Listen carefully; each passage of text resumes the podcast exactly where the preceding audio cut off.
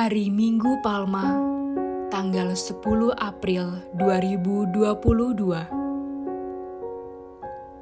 Bacaan pertama diambil dari kitab Yesaya, bab 50 ayat 4 sampai 7. Tuhan Allah telah memberikan kepadaku lidah seorang murid supaya dengan perkataanku aku dapat memberi semangat baru kepada orang yang letih lesu.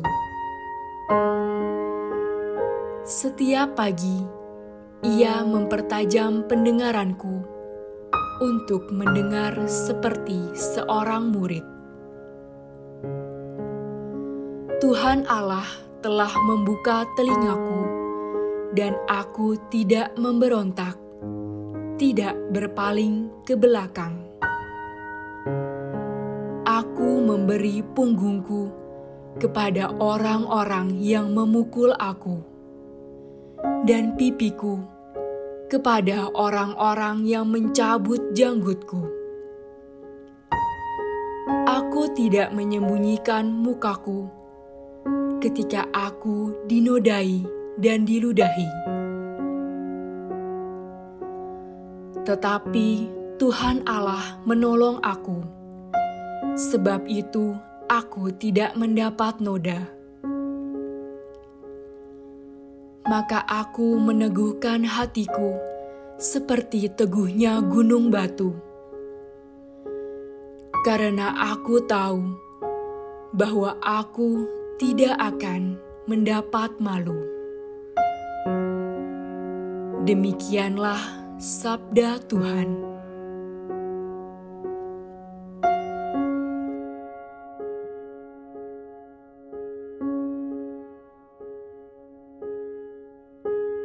Bacaan kedua diambil dari surat Rasul Paulus kepada jemaat di Filipi. Bab 2 ayat 6 sampai 11. Saudara-saudara, walaupun dalam rupa Allah, Kristus Yesus tidak menganggap kesetaraan dengan Allah itu sebagai milik yang harus dipertahankan. Sebaliknya, Ia telah mengosongkan diri dan mengambil rupa seorang hamba dan menjadi sama dengan manusia dan dalam keadaan sebagai manusia, ia telah merendahkan dirinya dan taat sampai mati, bahkan sampai mati di kayu salib. Itulah sebabnya Allah sangat meninggikan Dia dan menganugerahinya nama di atas segala nama supaya dalam nama Yesus bertekuk lututlah segala yang ada di langit, yang ada di atas dan di bawah bumi. Dan bagi kemuliaan Allah Bapa, semua lidah mengakui Yesus Kristus adalah Tuhan. Demikianlah sabda Tuhan.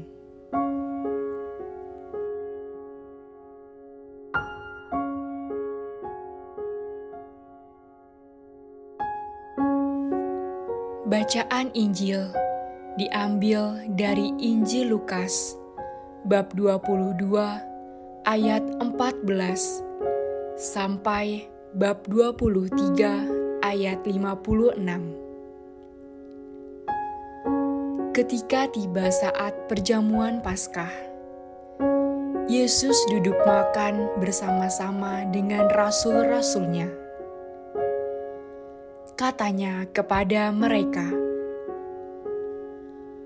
"Aku sangat rindu makan Paskah ini bersama-sama dengan kamu sebelum aku menderita."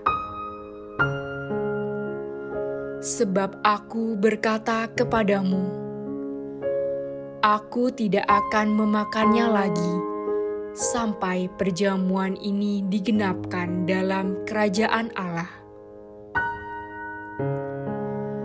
Kemudian Yesus mengambil sebuah cawan, mengucap syukur, lalu berkata, "Ambillah ini dan bagikanlah di antara kamu, sebab Aku berkata kepadamu, mulai sekarang ini Aku tidak akan minum lagi hasil pokok anggur." sampai kerajaan Allah telah datang. Lalu Yesus mengambil roti, mengucap syukur, memecah-mecahkannya, dan memberikannya kepada mereka, seraya berkata, "Inilah tubuhku." yang diserahkan bagi kamu. Perbuatlah ini untuk mengenangkan daku. Demikian juga dibuatnya dengan cawan sesudah makan. Ia berkata, "Cawan ini adalah perjanjian baru." oleh darahku yang ditumpahkan bagi kamu. Tetapi lihat, tangan orang yang menyerahkan aku ada bersama aku di meja ini. Sebab anak manusia memang akan pergi seperti yang telah ditetapkan. Akan tetapi, celakalah orang yang olehnya ia diserahkan. Lalu mulailah mereka mempersoalkan siapa di antara mereka yang akan berbuat demikian. Lalu terjadilah juga pertengkaran di antara murid-murid Yesus tentang siapa yang dapat dianggap terbesar di antara mereka. Yesus berkata kepada mereka, "Raja-raja para bangsa memerintah rakyatnya, dan orang-orang yang menjalankan kuasa atas mereka disebut pelindung, tetapi..." janganlah demikian di antara kamu. Yang terbesar di antara kamu, hendaklah menjadi sebagai yang paling muda, dan yang pemimpin menjadi pelayan. Sebab siapakah yang lebih besar, yang duduk makan atau yang melayani? bukankah dia yang duduk makan? Tetapi aku ada di tengah-tengah kamu sebagai pelayan. Kamulah yang tetap tinggal bersama-sama aku dalam segala pencobaan yang aku alami.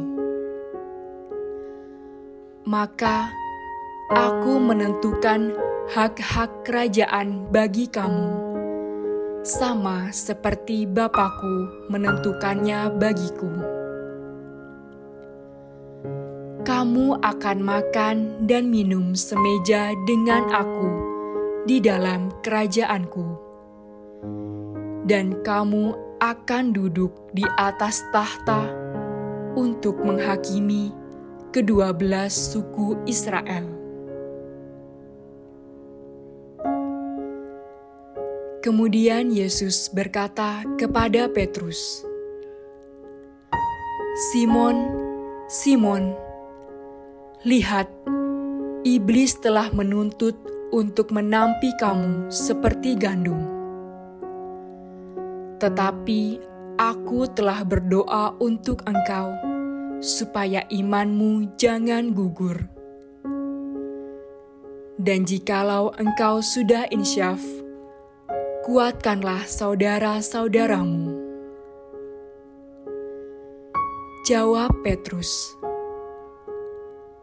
Tuhan, aku bersedia masuk penjara dan mati bersama-sama dengan Engkau.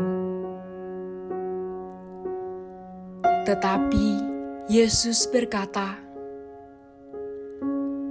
Aku berkata kepadamu, Petrus, hari ini ayam tidak akan berkokok sebelum engkau tiga kali menyangkal aku.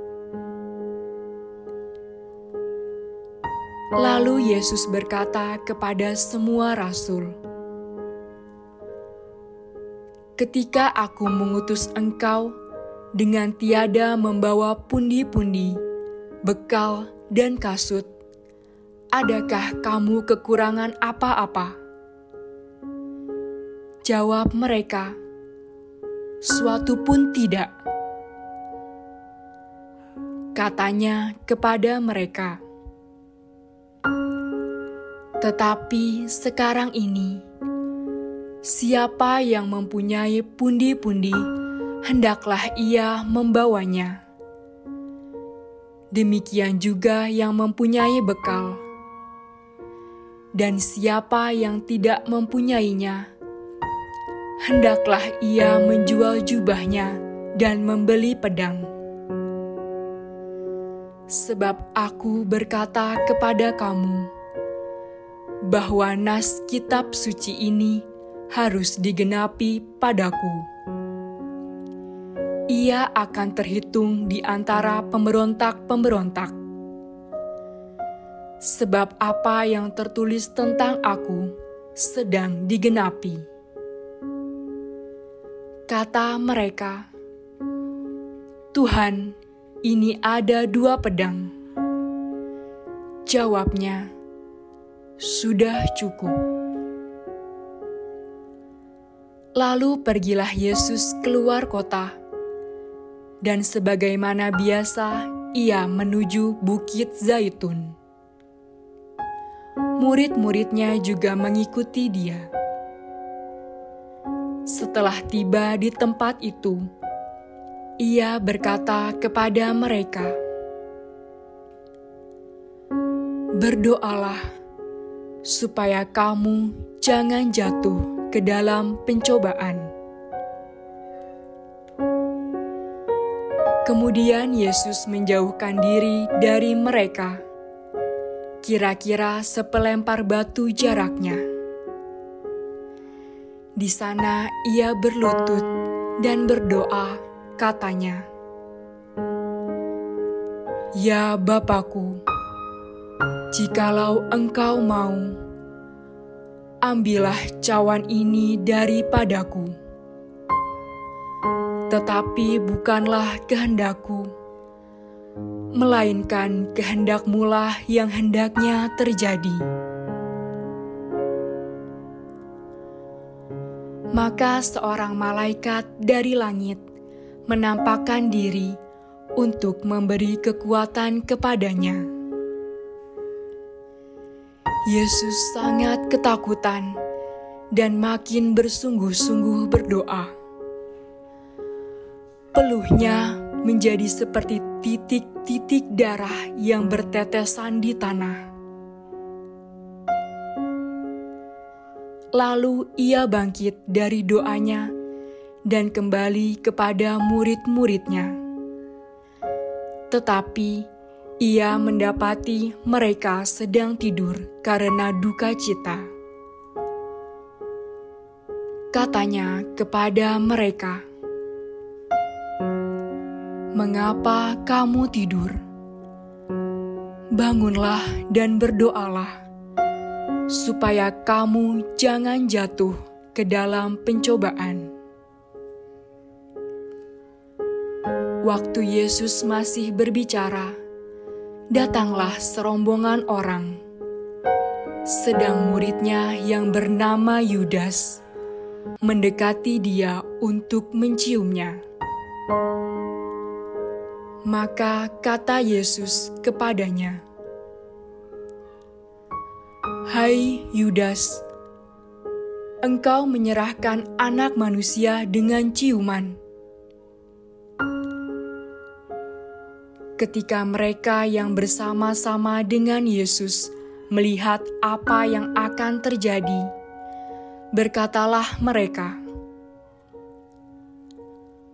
"Tuhan, mestikah kami menyerang mereka dengan pedang?" Dan seorang dari mereka menyerang hamba Imam Agung, sehingga putuslah telinga kanannya. Tetapi Yesus berkata, "Sudahlah." Lalu Yesus menjamah telinga orang itu dan menyembuhkannya. Maka Yesus berkata kepada imam-imam kepala dan kepala-kepala pengawal Bait Allah, serta tua-tua yang datang untuk menangkap Dia. Katanya, Sangkamu aku ini penyamun, maka kamu datang lengkap dengan pedang dan pentung. Padahal tiap-tiap hari aku ada di tengah-tengah kamu di dalam bait Allah, dan kamu tidak menangkap aku. Tetapi inilah saatmu, dan inilah kuasa kegelapan itu. Lalu Yesus ditangkap dan dibawa dari tempat itu. Ia digiring ke rumah Imam Agung, dan Petrus mengikut dari jauh. Di tengah-tengah halaman rumah itu, orang memasang api, dan mereka duduk mengelilinginya. Petrus juga duduk di tengah-tengah mereka. Seorang hamba perempuan melihat dia duduk dekat api. Ia mengamat-amati Petrus, lalu berkata, "Orang ini juga bersama-sama dengan Yesus." Tetapi Petrus menyangkalnya, katanya, Bukan, aku tidak mengenal dia. Tidak berapa lama kemudian, seorang lain melihat dia, lalu berkata, "Engkau juga seorang dari mereka." Tetapi Petrus berkata, "Bukan, aku bukan seorang dari mereka."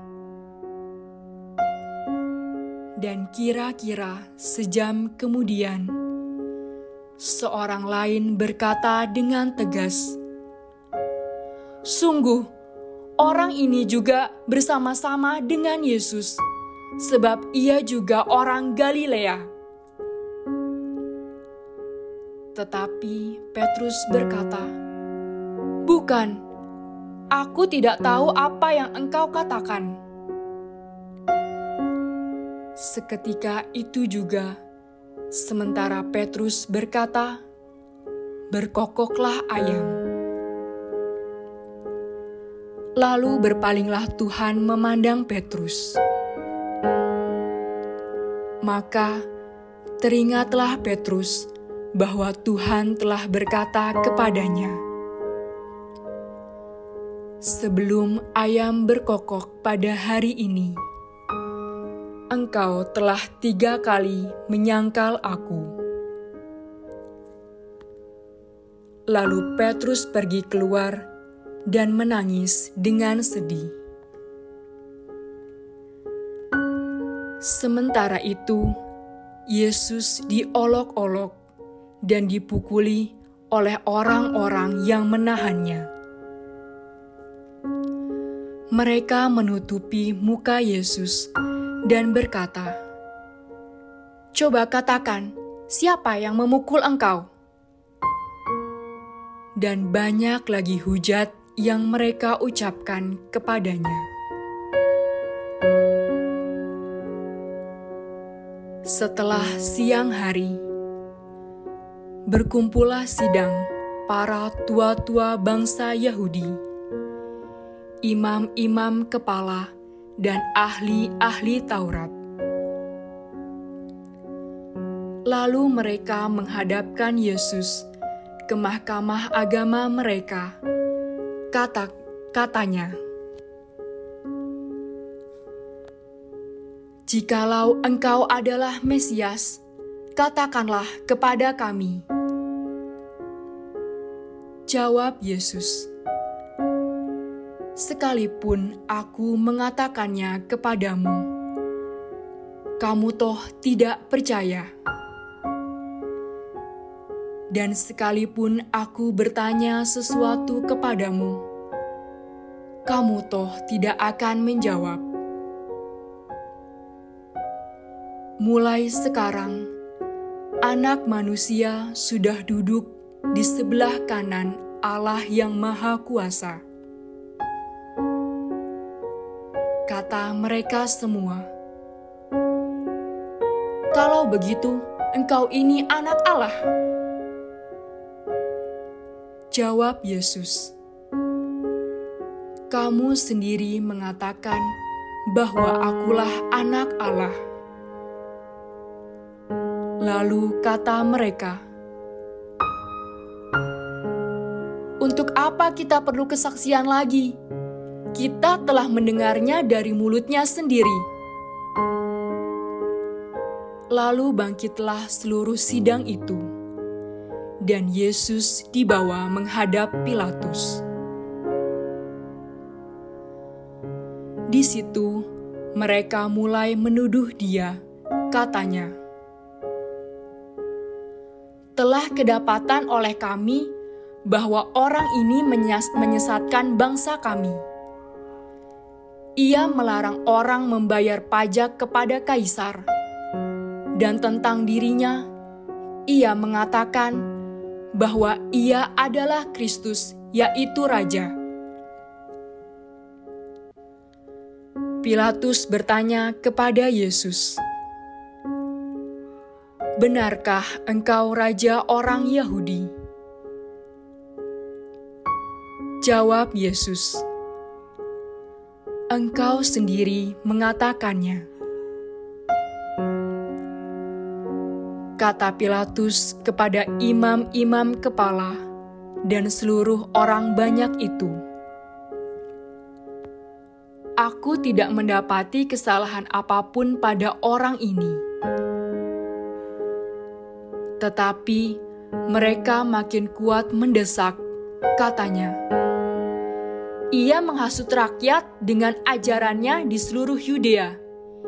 Ia mulai di Galilea dan kini sudah sampai ke sini.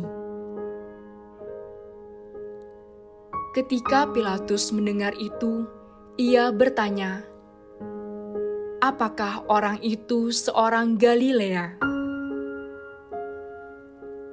Dan ketika tahu bahwa Yesus seorang dari wilayah Herodes, Pilatus mengirim dia menghadap Herodes, yang pada waktu itu ada juga di Yerusalem.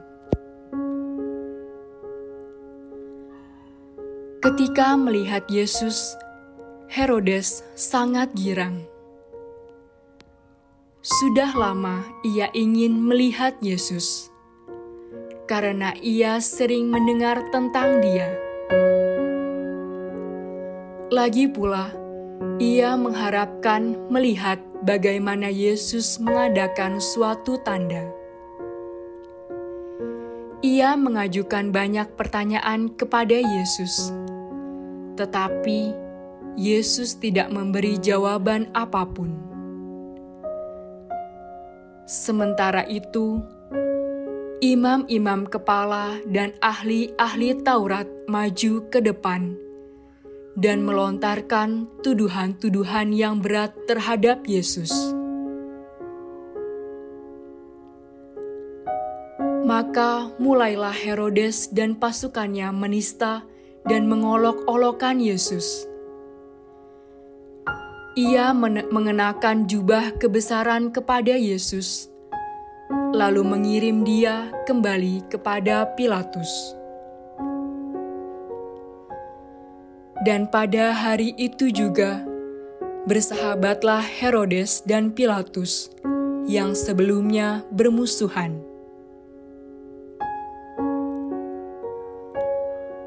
Lalu Pilatus mengumpulkan imam-imam kepala serta rakyat dan berkata kepada mereka, "Kamu telah membawa orang ini kepadaku sebagai orang yang menyesatkan rakyat. Kamu lihat sendiri bahwa aku telah memeriksanya." dan dari kesalahan-kesalahan yang kamu tuduhkan kepadanya, tidak ada yang kudapati padanya. Herodes pun tidak menemukan kesalahan padanya, sehingga ia mengirimkan dia kembali kepada kami. Sesungguhnya, tidak ada suatu apa pun yang dilakukannya yang setimpal dengan hukuman mati. Jadi, aku akan menghajar dia, lalu melepaskannya. Tetapi mereka berteriak bersama-sama, "Enyahkanlah dia, lepaskanlah Barabas bagi kami."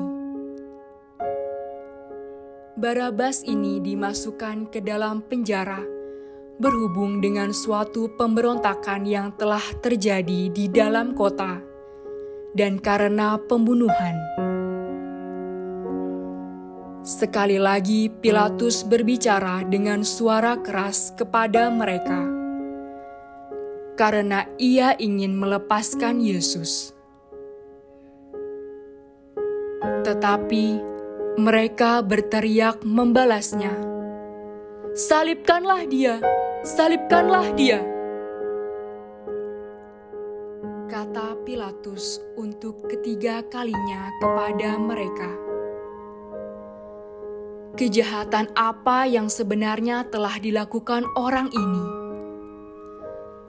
Tidak ada suatu kesalahan pun yang kudapati padanya yang setimpal dengan hukuman mati.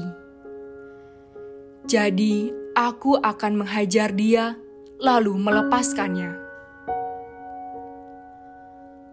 Tetapi dengan berteriak, mereka mendesak dan menuntut supaya ia disalibkan. Akhirnya, mereka menang dengan teriakan mereka.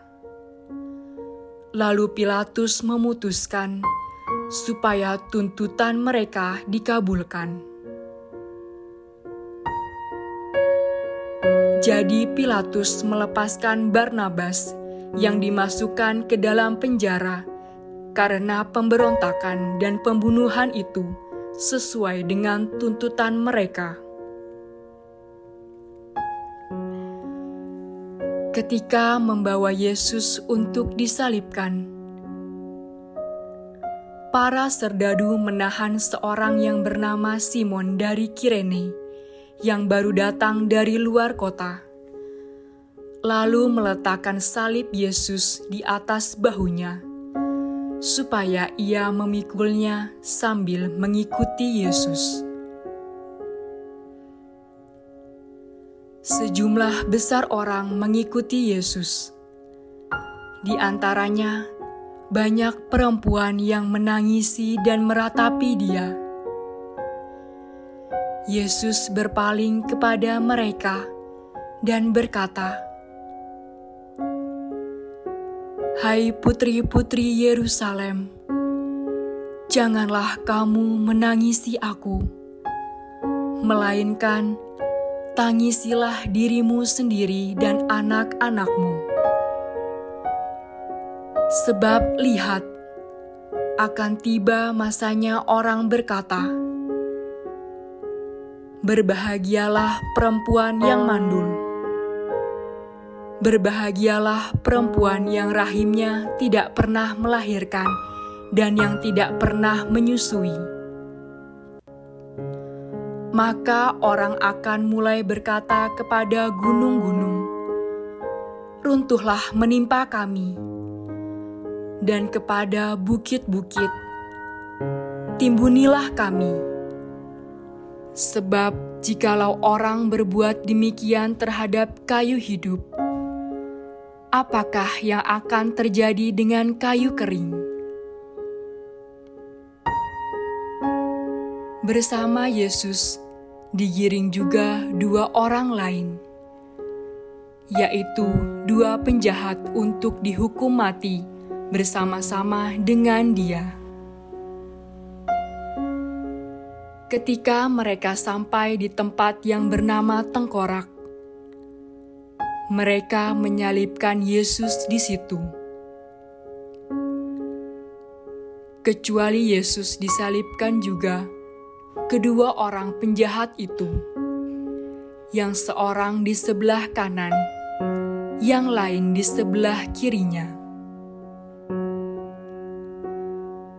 Ketika bergantung di salib, Yesus berkata, "Ya Bapa, ampunilah mereka." sebab mereka tidak tahu apa yang mereka perbuat. Dan mereka membuang undi untuk membagi pakaian Yesus. Orang banyak berdiri di situ dan melihat semuanya. Pemimpin-pemimpin mengejak Yesus, katanya,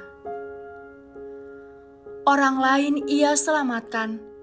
Biarlah sekarang ia menyelamatkan dirinya sendiri. Sebab jika ia benar-benar Mesias, orang yang dipilih Allah, juga prajurit-prajurit mengolok-olokan dia. Mereka mengunjukkan anggur asam kepadanya dan berkata,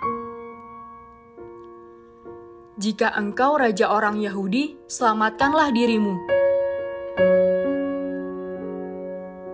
Ada juga tulisan di atas kepalanya. Inilah raja orang Yahudi. Salah seorang dari penjahat yang digantung itu menghujat Yesus. Katanya, "Bukankah engkau Kristus?" selamatkanlah dirimu dan kami. Tetapi penjahat yang seorang menegur dia, katanya, Tidakkah engkau takut, juga tidak kepada Allah? Padahal engkau menerima hukuman yang sama. Kita memang selayaknya dihukum sebab kita menerima balasan yang setimpal dengan perbuatan kita. Tetapi orang ini tidak berbuat sesuatu yang salah.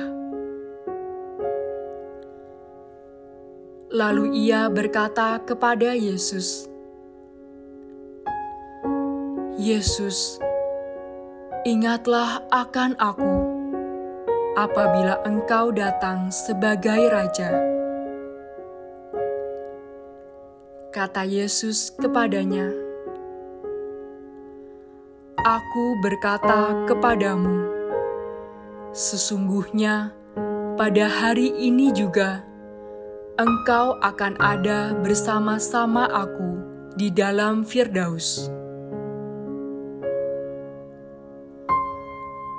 Ketika itu, hari kira-kira pukul 12 Kegelapan meliputi seluruh daerah itu sampai jam 3, sebab matahari tidak bersinar.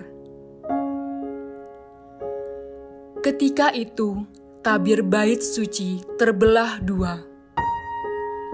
Lalu Yesus berseru dengan suara nyaring, "Ya Bapa, ke dalam tanganmu kuserahkan nyawaku. Dan sesudah berkata demikian, Yesus menyerahkan nyawanya.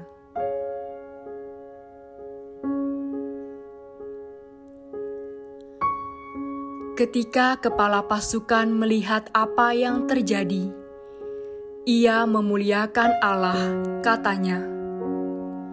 "Sungguh, orang ini adalah orang besar." Di situ berkerumun pula orang banyak yang datang untuk menyaksikan seluruh peristiwa itu. Sesudah melihat apa yang terjadi itu, pulanglah mereka sambil memukul-mukul diri. Semua orang yang mengenal Yesus dari dekat termasuk perempuan-perempuan yang mengikuti dia dari Galilea, berdiri jauh-jauh dan melihat semua itu. Waktu itu, ada seorang yang bernama Yusuf. Ia anggota Majelis Agung dan seorang yang baik lagi benar ia tidak setuju dengan putusan dan tindakan majelis itu. Ia berasal dari Arimatea, sebuah kota Yahudi, dan ia menanti-nantikan kerajaan Allah. Ia pergi menghadap Pilatus dan meminta jenazah Yesus. Dan sesudah menurunkan jenazah itu, ia mengapaninya dengan kain lenan, lalu membaringkannya di dalam kubur yang digali di dalam bukit batu, di mana belum pernah dibaringkan satu jenazah pun. Hari itu adalah hari persiapan, dan Sabat hampir mulai. Perempuan-perempuan yang datang bersama Yesus dari Galilea ikut serta dan melihat kubur itu. Juga mereka melihat bagaimana jenazah Yesus dibaringkan. Setelah pulang, mereka menyediakan rempah-rempah dan minyak mur. Dan pada hari Sabat, mereka beristirahat menurut hukum Taurat. Demikianlah sabda Tuhan.